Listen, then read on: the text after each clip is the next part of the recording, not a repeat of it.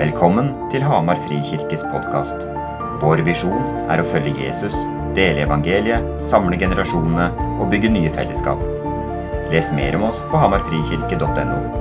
Her er talen fra søndagens gudstjeneste. Dette er eh, alle genserne og skjortene jeg eier. Um, altså jeg, jeg kommer tilbake til den her, altså. Ja, slapp av. Dere har kanskje sett meg bruke den mye på kontoret, men det er ikke så mye igjen av den. Dette er en av favorittgenserne mine, men han driver liksom og ryker i, i kragen på høyresida. Det gjør veldig mange av genserne mine. Skjønner ikke hvorfor det ryker her. Så kanskje jeg har en eller annen greie som Ja. Um, uh, den her òg ryker på akkurat samme stedet. Uh, veldig rart. Denne genseren her bruker jeg veldig mye sånn til hverdags, men jeg får så mye kommentarer på at det står 'shield your eyes'. Så, altså, folk henger seg opp i greiene der. Jeg skjønner ikke helt greia. Um, dette her er åh, den her, åh, Det er litt ull inn, så jeg bruker den sånn alltid fra, fra oktober utover. Fram til uh, varmegradene begynner. Den er, mm, den er veldig god. Så er det en skjorte. Standard, litt sånn der uh, rutete kristenskjorte. Uh, de av dere som følger med på Instagram, dere tok den. En strikkegenser som jeg fikk av svigerinna mi. Veldig god. En uh, ny grå genser. Litt ull i den, så vinter. Og så en uh, grønn skjorte. Skal vi se Én, to, tre, fire, fem, seks, sju, åtte, ni gensere som jeg bruker til hverdag. Klær for 4000-5000 kroner, tipper jeg.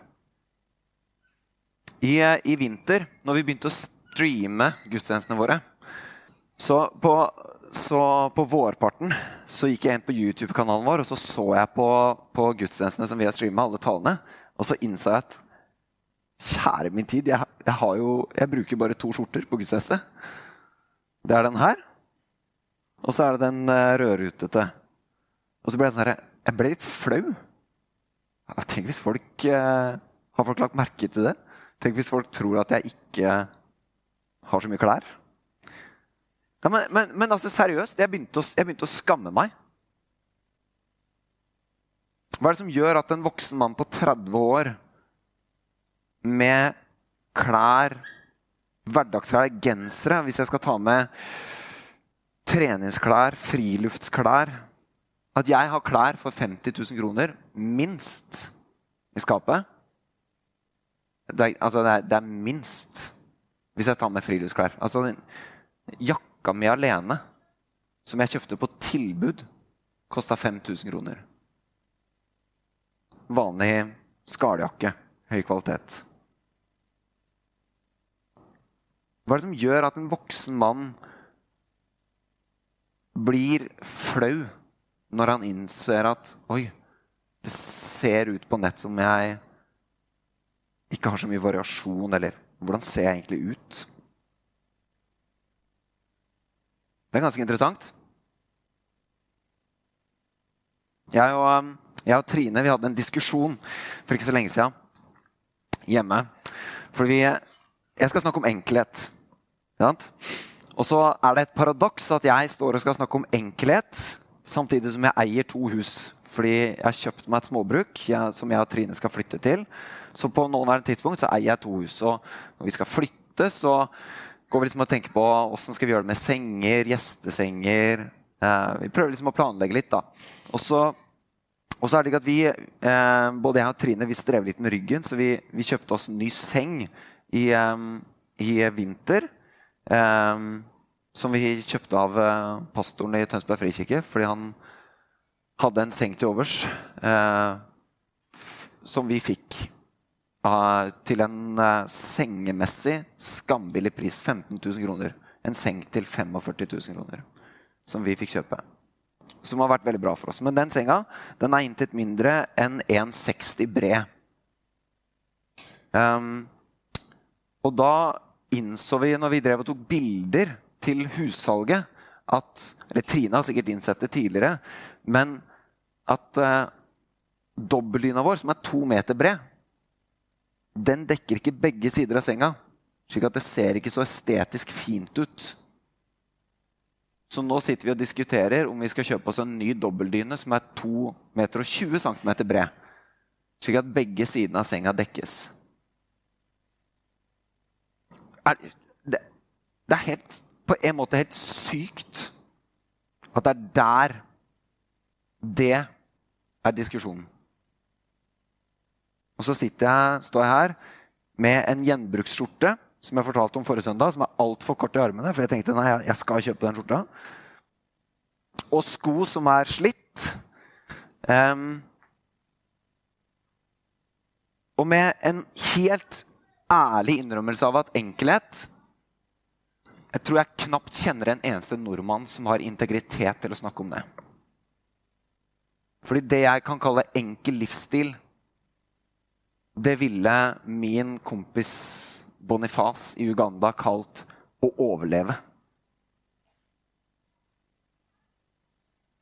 Hva er det som gjør at vår tids helter, det er Steve Jobs, som kommer fra fattige kår, som visstnok i en garasje kommer på ideen om en brukervennlig datamaskin, kjemper seg opp og fram til rikdom, til økonomisk frihet eller Petter Stordalen, som har en lignende historie. Kjøpmannssønnen som sier 'Selg de jordbæra du har'. Det er vår tids helter. Hvor mange av oss har Frans av Assisi som helt?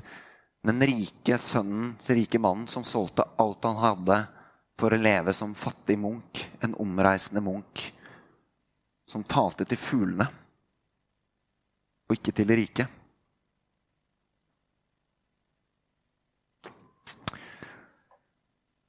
Den amerikanske drømmen, den vellykkede som kjemper seg opp fra fattige kår, det er vår tids helt.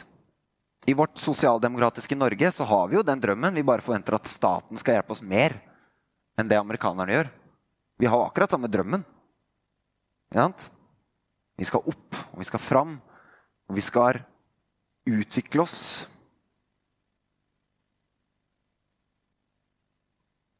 Det er ingen av oss, tror jeg, som egentlig har integritet til å snakke om det temaet. Strengt talt, hvis vi skal være helt ærlige. Og i hvert fall ikke jeg. Men vi må snakke om det. Så jeg skal, jeg skal snakke om dette med så mye ydmykhet jeg bare kan. Med veldig veldig klar visshet om at dette mestrer jeg ikke veldig bra. Men det er noe som, som har løgget meg på hjertet de siste par åra, som jeg prøver å ta noen steg i, og som vi må snakke om når vi snakker om rytmer. Og jeg tror det, Vi skal komme tilbake til noen bibeltekster hvor det blir litt synlig hvorfor vi skal snakke om det. Um, men før vi skal snakke ut fra en bibeltekst, så skal jeg gi oss en liten kulturell og og, og historisk analyse som kan hjelpe oss å forstå hvorfor jeg blir flau over å se at jeg har lite variasjon på gudstjenestene. Hva er det som gjør at jeg blir flau av det? Og så er det ikke noe mål for meg i dag at vi skal sitte igjen og oppleve oss shama eller mer eh, få dårlig samvittighet for noe som helst. Men målet mitt er å prøve å gi oss et innblikk i hva som kan gi oss mer glede i Gud. Det er målet mitt. At vi skal få erfare mer glede i Gud. Så litt historie. Vi, du og jeg, vi lever neddykka i en kapitalistisk forbrukerkultur. Og det, sånn er det bare. Fordi vår velferd, vår økonomi, det at du eh, skal ha pensjon og kunne bo på et gamlehjem, eller det at du skal ha rett på sykepenger og eh, få gratis helsetjeneste. Alt dette driftes gjennom en forbrukerøkonomi. Det er Vi tjener ikke nok penger på olje eller eh, vannkraft til at velferden vår sikres. Det som driver din og min økonomi, det er det at folk bruker penger. Og dette er et resultat av styrt utvikling mye i etterkant av andre verdenskrig fra USA, hvor visstnokens eh, politikere, eh, Wall Street og bank bankene i USA innså at hvis vi skal bygge velferden i dette landet, så må vi få folk til å bruke penger. Hvordan skal vi få folk til å bruke penger? Da skal vi få et sitat av Paul Mazer, eller Mazur, som var eh, eier av Lehman Brothers, et investeringsselskap i USA. Og han sa visstnokens dette. We must shift America from a needs to a desires culture. Fra en behovskultur til en eh, lystkultur der vi kjøper det vi har lyst på. People must be trained to desire, to want new things. Even before the old have been entirely consumed. We must shape a new mentality. Man's desires must overshadow his needs. Menneskets lengsler, behov, ønsker må overstyre de grunnleggende behovene. Og vi lever i resultatet av det i dag. Så det at du har det bra, og har rettigheter og har goder, kommer av styrt utvikling av din og min forbrukervane. I stor grad. Og så kan vi takke oljen som ga oss et dytt til det, selv om vi sparer mesteparten av det. Og dette driver velferden. Og dette er jo godt, ikke sant? Det er veldig få av oss som syns det er kjipt å få gratis helsehjelp. Hvis du syns det, kan du flytte til eh, Laos og erfare hvordan det er å ikke ha gratis helsehjelp. Men det har sine slagsider. Hvis du går tilbake til 80-tallet, til jappetida, som noen av dere husker og opplevde Boligrente på 18% og sånn. Det, det, var ganske dyrt å eie. Men jappetida og utover, da handla det om markedsføring, produkter, få folk til å kjøpe. Omsetning i bedriftene skjedde ved kjøp og salg av ting i stor grad. Kjøp og salg av ting. Du måtte handle produkter. Og fram til for ca. 15 år sia, ja, 10-15 år siden så var i stor grad eh, omsetning styrt ved kjøp og salg av produkter. Så skjedde det noe med iPhone og sosiale medier, Facebook. Hvor dette skiftet fra kjøp og salg av produkter gikk fra å være en produkthandel til en kamp om din og min oppmerksomhet. Prosessen gikk fra av at du skulle kjøpe produkter, til at du ble produktet pga. annonsering og markedsføring. Så Facebook ber deg ikke om å kjøpe noe. Facebook kjemper om tiden og oppmerksomheten din, slik at de kan selge reklamer som ønsker å få deg til å kjøpe noe. Så før så var omsetningen eh, produkter. Nå er omsetningen oppmerksomhet og tid. Det er det som selges i dag. Og denne omsetningen den skapes gjennom reklamer og annonsering. Hvordan verden tror du at Facebook kan holde på gratis og tilby deg så mye tjenester gratis? Det er jo helt konge. Det interessante er at den, hele den greia der starta i pornoindustrien. Var dere klar over det? At Grunnen til at du har gratis Facebook i dag, var fordi det er en mann som innsatt Oi, vi kan selge reklamer via Pornhub. Det gjør at vi kan tilby gratis porno. Derfor har du gratis Facebook i dag. Det er ganske interessant. Facebook som sosial plattform, som starta med å bygge nettverk, har blitt til en plattform som kjemper om din oppmerksomhet. Og Det er ikke bare Facebook, men det er VG-nett, til og med gmailen din, sosiale medier. Alt du er en del av på nett, er bygd for å kapre din og min oppmerksomhet. Du er produktet. Tiden, oppmerksomheten, blikket ditt er produktet. Fordi det får deg til å kjøpe noe. og det sikrer annonseinntekter. Dette skaper et enormt ytre press på deg og meg, som påvirker vår fysiologi. Dine, altså din hjerne endres og påvirkes av dette, slik at du skal bruke mest mulig tid på nett. Til og med Gmail, e-postkontoen din, er bygd for å gi deg et utslag av dopamin og endorfiner hver gang du får en ny e-post. Slik at du kan bruke mest mulig tid på e-postplattformen. Du kan si hva du vil, men vi er produkter. Og kampen i vår tid er en kamp om oppmerksomheten vår. Det er reklamespråket som vi utsettes for, forteller oss kjøp dette, gjør dette, men dette, stem dette, si dette, ikke si dette, så blir du lykkelig. Fordi det driver velferden. Det er jo ikke bare for Det er ikke bare negativt, dette. Det er jo en styrt strategi for å drive den økonomiske velferden. Det interessante er at hvis alle skulle gjort dette, eller kjøpt og eid like mye som folk, den gjennomsnittlige mann i USA, så hadde vi trengt fem jordkloder til for å sikre velferd og forbruk tilsvarende det man gjør i USA. Og Norge, vi er over det.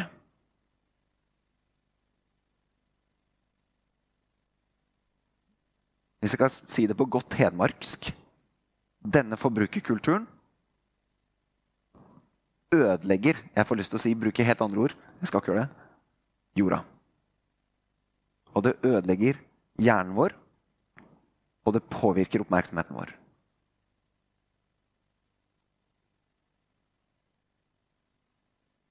Og det er her enkelhet kommer inn som kanskje en vei til noe annet.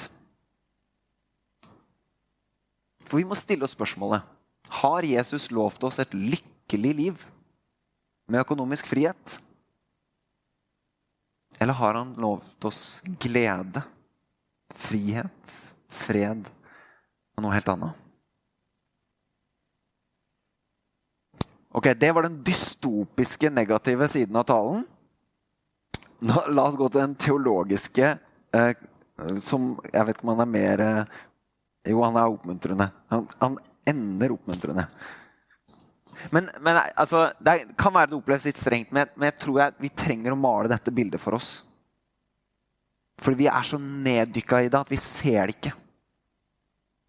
Og så er ikke alt negativt. Jeg har en uh, gammel Nokia, en dum telefon. Å, jeg prøver å leve den på, mandag, på mandager når jeg har fri. Det er mer komplisert. Det er digg å kunne betale parkering ved en app. Det er, det, det er, veldig mye som er enklere med teknologien vi har i dag. Det er sykt digg med en robotstøvsuger som støvsuger for meg mens jeg er borte. Det er helt konge. Vi har tre robotstøvsugere her, til og med. En her inne, en i kjelleren og en der ute. Fordi det gjør ting enklere, enklere for oss. Så det er ikke bare negativt.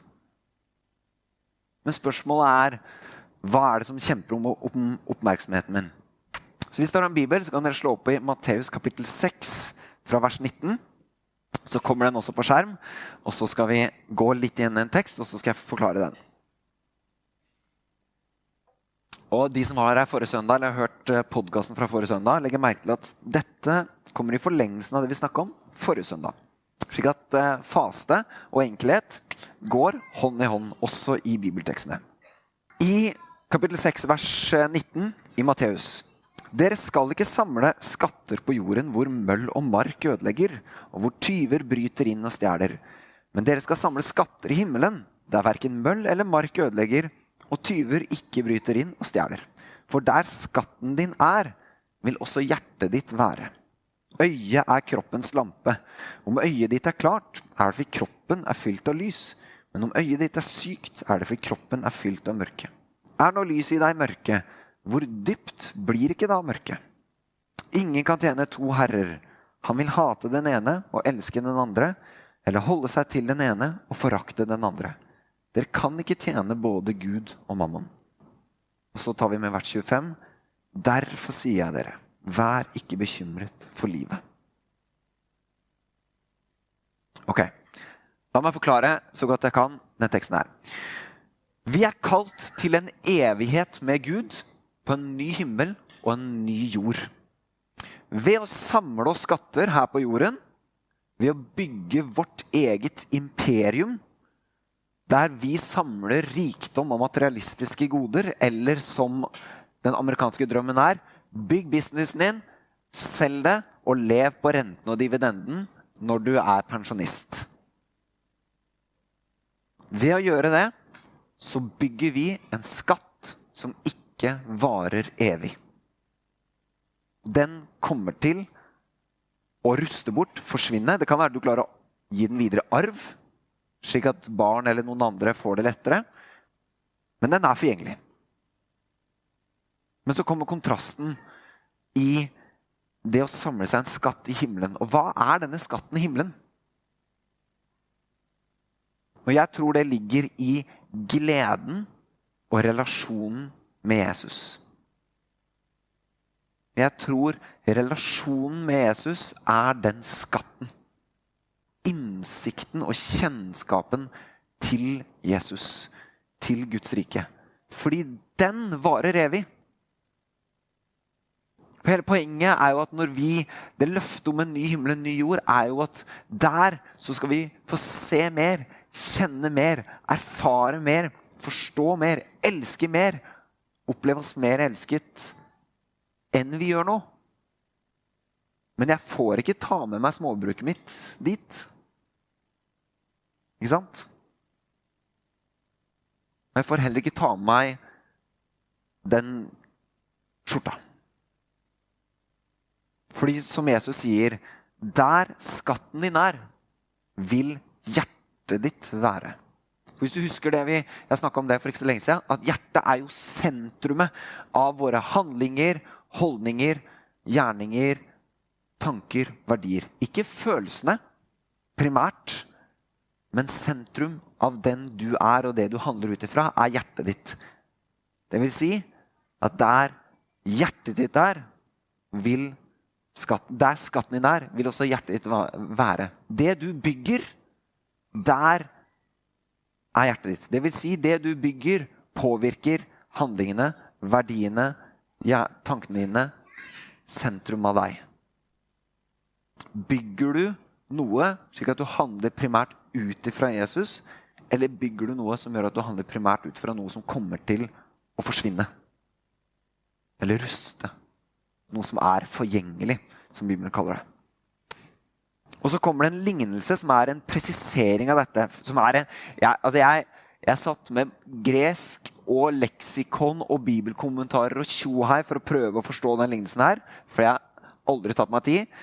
Jeg skal prøve å forklare den. Og eh, den, er ikke, den er ikke lett, men lignelsen er Øyet er kroppens lampe. Om øyet ditt er klart, er det fordi kroppen er fylt av lys. Men om lyset ditt er sykt, er det fordi kroppen er fylt av mørke. Er nå lyset i deg mørke, hvor dypt blir ikke da mørket? Øyet forstås som lyskasteren som lyser opp omgivelsene.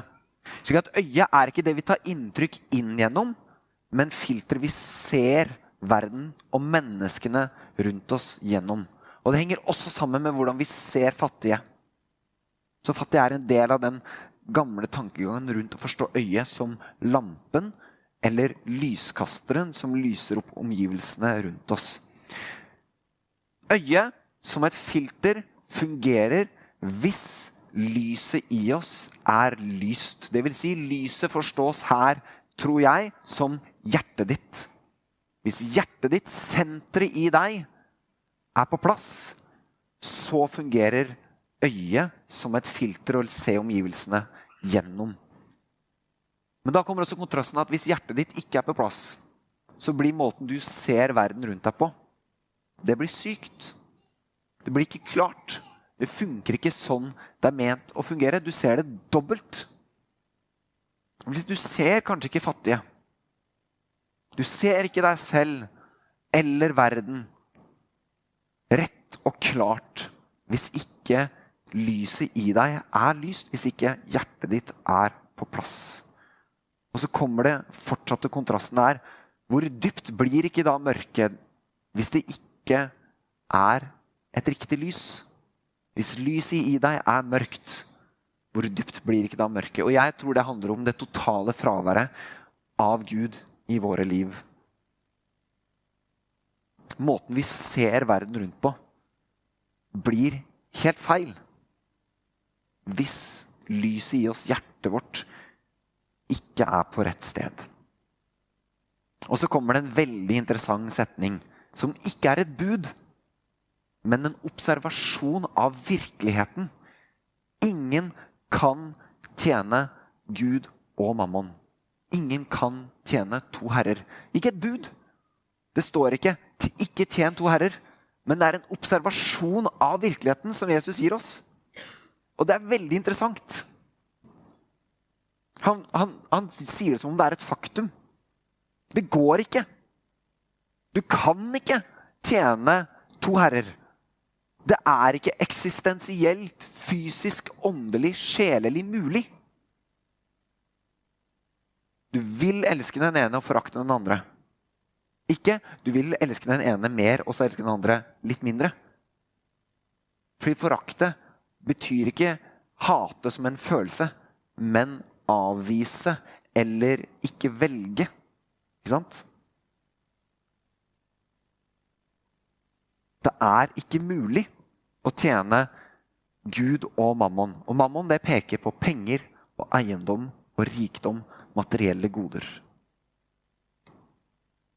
En av de vil være herren din, ha hjertet ditt, ha sentrum av den du er. Og da er spørsmålet hva er lyset i deg? Og så kommer den derre deilige oppfordringen som løser det hele. Derfor, der, på grunn av alt jeg har sagt nå, vær ikke bekymret. Hva dere skal spise, drikke, og så kommer han med en hel regle på hva vi ikke skal være bekymra for. Hele poenget er at hvis vi er på rett sted, så kan vi slippe bekymringer. Og er det én ting vårt samfunn trenger i dag, så er det frihet fra bekymringer. Det er nok angst som det er. Hvordan skal vi løse det? Jo, vi må se innover i hjertet vårt. Og det å, være, det å ikke være bekymret, det handler om å være tilfreds. Nøy dere med det dere har. Det er å kjenne glede i møte med alle omstendigheter. Uavhengig av omstendigheten. Å ikke være bekymret er å slippe kontroll. Ikke, ikke ta ansvar. Å slippe kontroll handler ikke om å frasi seg ansvar. Det handler om å vite at dette, omstendighetene mine, kan jeg ikke kontrollere etter min egen vilje. Ok. En av de heftigste bibeltekstene i mine øyne som Ja. Um, den, er helt, den er helt vanvittig krevende. Og den er utrolig lett å hoppe over. For vi vet ikke hvor vi skal starte. Men det jeg håper nå, er å gi oss noen pekepinn på hvordan, dette, hvordan vi kan forholde oss til teksten. Ta den på alvor. La den utfordre og ansvarliggjøre oss, samtidig som vi ikke graver oss ned i en sånn derre Dette er helt håpløst. Fordi jeg vet at hjertet mitt er delt. Jeg vet at hjertet mitt er delt. Men det er et håp der som gjør at jeg ikke opplever det delte hjertet som en fordømmelse, men som en ansvarliggjøring. Der Gud ansvarliggjør meg, ikke fordømmer meg. Fordi Jesus sier ikke nei til ting. Jesus han var tømmermann, snekker, tømrer. Så mest sannsynlig har han hatt en ganske stabil inntekt. Og så ser du at gjennom de tre åra så ga de penger til fattige. Og han hadde en haug med forsørgere rundt seg som sørga for at han kunne, og disiplene kunne gjøre det de gjorde, og som ga penger. Så Jesus han var ikke lut fattig. Når kjortelen, som det står om, eh, ble delt blant de romerske soldatene etter korsfestelsen, så betyr det at den kjortelen, de klærne Jesus hadde på seg, hadde en viss verdi. Så Jesus han var ikke lutfattig. Han var ikke steinrik.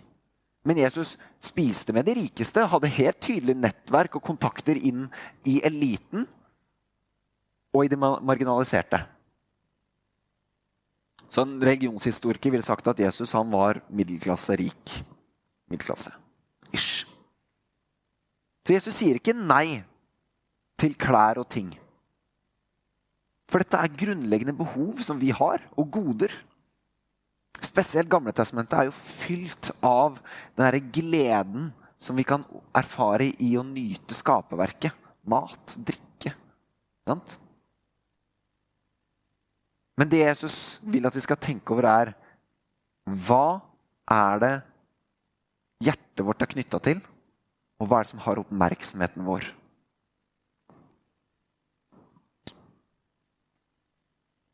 Min påstand er at den største avguden i Norge, det er husene våre. Vi er sinnssykt opptatt av hus i Norge. Vi er så opptatt av hus at vi forventer at vi skal eie hus før vi har begynt å tjene penger. Og politikerne kjemper for at det skal være mulig, til og med. Så viktig er hus for oss. Fordi det er med å sikre velferd og sikre likhet. Masse fint med det. Men vi bruker mye penger på hus. Jeg kunne flytta inn i huset mitt. Men jeg fikk veldig lyst til å male den knæsj lilla soverommet. Og den oransje gangen min, den er jammen oransje. Og den mintgrønne stua. Jeg kunne bare flytta inn. Det er fullt levelig. Jeg hadde ikke trengt å gjøre noen ting. Det er et eller annet her som, som jeg tror vi i Norge trenger å få tak på. Vi skal gå til Filippe-brevet. Skal vi se. Filippe-brevet, kapittel 4, fra vers 11b. Så sier Paulus.: For jeg har lært meg å klare meg med det jeg har. Jeg vet hva det er å ha det trangt, og hva det er å ha overflod. I alt og alle ting er jeg innviet. Å være mett og å være sulten. Å ha overflod og å lide nød. Alt makter jeg i Ham som gjør meg sterk. Siste setningen et av de mest misbrukte versene som finnes i vestlig kristendom. Det handler ikke om at du mestrer alt du vil. Men det handler om at du tåler alle omstendigheter som kommer deg i møte fordi du er forankra i Jesus. Fordi rett før så sier Paulus, 'Gled dere alltid i Herren'. Igjen sier jeg dere, gled dere. Hvordan kan Paulus si det? Jo, det er fordi han i kapittelet før har skrevet om at alt regner jeg som vrak. Bare jeg kan vinne Kristus. Bare jeg kan kjenne rettferdigheten jeg får hos Gud ved troen på Jesus. Så hele poenget til Paulus er jeg kan glede meg i alle omstendigheter. Jeg kan tåle å mestre alle omstendigheter. Jeg kjenner alle omstendigheter. Jeg kan nøye meg med det jeg har, fordi jeg har Jesus. Og det er nøkkelen. Paulus han var ikke bekymra for noe, tror jeg. Richard Foster han skrevet, han eh, skrev den boka 'Veier til glede', som handler om disse åndelige rytmene som, som eh, staben og Helserådet har blitt inspirert av i den taleserien her. Og Han snakker om at enkelhet er en indre virkelighet realisert i en ytre livsstil.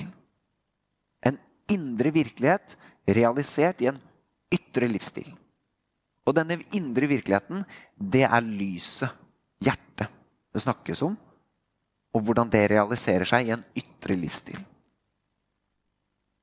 Men vi har en tendens til å tenke at eh, jeg, må liksom, jeg må få alt det indre på plass, slik at det kan vise seg i det ytre. Og det er bra. Men tenk hvis vi kan justere den ytre livsstilen for å legge bedre til rette for den indre virkeligheten. Og det er her enkelhet som åndelig rytme, som en disiplin, som en livsstil kommer inn. For du og jeg kan spørre oss er det noe jeg kan justere, rydde i, i min ytre livsstil, som gjør det enklere for den indre virkeligheten? Kan du og jeg ta noen valg? Enkelhet koker ned til to spørsmål. Det første spørsmålet er hvem er herre i hjertet mitt? Og nummer to hvem eller hva er det som har oppmerksomheten min? Hvem er herre i hjertet mitt? Hvem eller hva har oppmerksomheten min? Enkelhet som åndelig rytme handler derfor både om å ransake hjertet jevnlig. Derfor skal vi snakke om synsbekjennelse neste helg. Og omvendelse. Men det handler om å rydde i de ytre omstendighetene. Rydde i tingene som stjeler min oppmerksomhet. Det går an å starte med telefonen. Kanskje jeg må starte med klær. Og da tror jeg vi må starte med å spørre hva er den måte, ene store tingen som jeg merker at dette påvirker meg? For min del friluftsting. Friluftsklær. Jeg syns det er utrolig gøy å være på tur med knallbra utstyr. Trenger jeg det når Lars Monsen dreper bjørner med bare henda? Altså Han er vår tids Chuck Norris, ass. Men spørsmålet er trenger jeg det. Kanskje det er bilen din. Kanskje er det eh, huset ditt. Kanskje er det det sølvtøyet du bare må pusse til jul, men som du egentlig aldri bruker. Eller de fem kaffeservisene som brukes én gang i året. Eller den skjorta du bare må ha. Hvor er det du og jeg må rydde? Jeg tror vi må starte med ting ofte. Fordi vi har alle altfor mye ting. Mest sannsynlig. For de fleste av oss så tror jeg skjerm I hvert fall de av oss som eh, er eh, millennials og yngre. Skjerm, ass. Det er heftig hva det gjør med oppmerksomheten vår. Og så er det interessant, men jeg opplever faktisk at yngre ligger foran eldre i å ta et oppgjør med det. Um, sikkert fordi det snakkes mye om på skolen. Kanskje jeg bare må droppe den dobbeltdyna, som er 22 brød.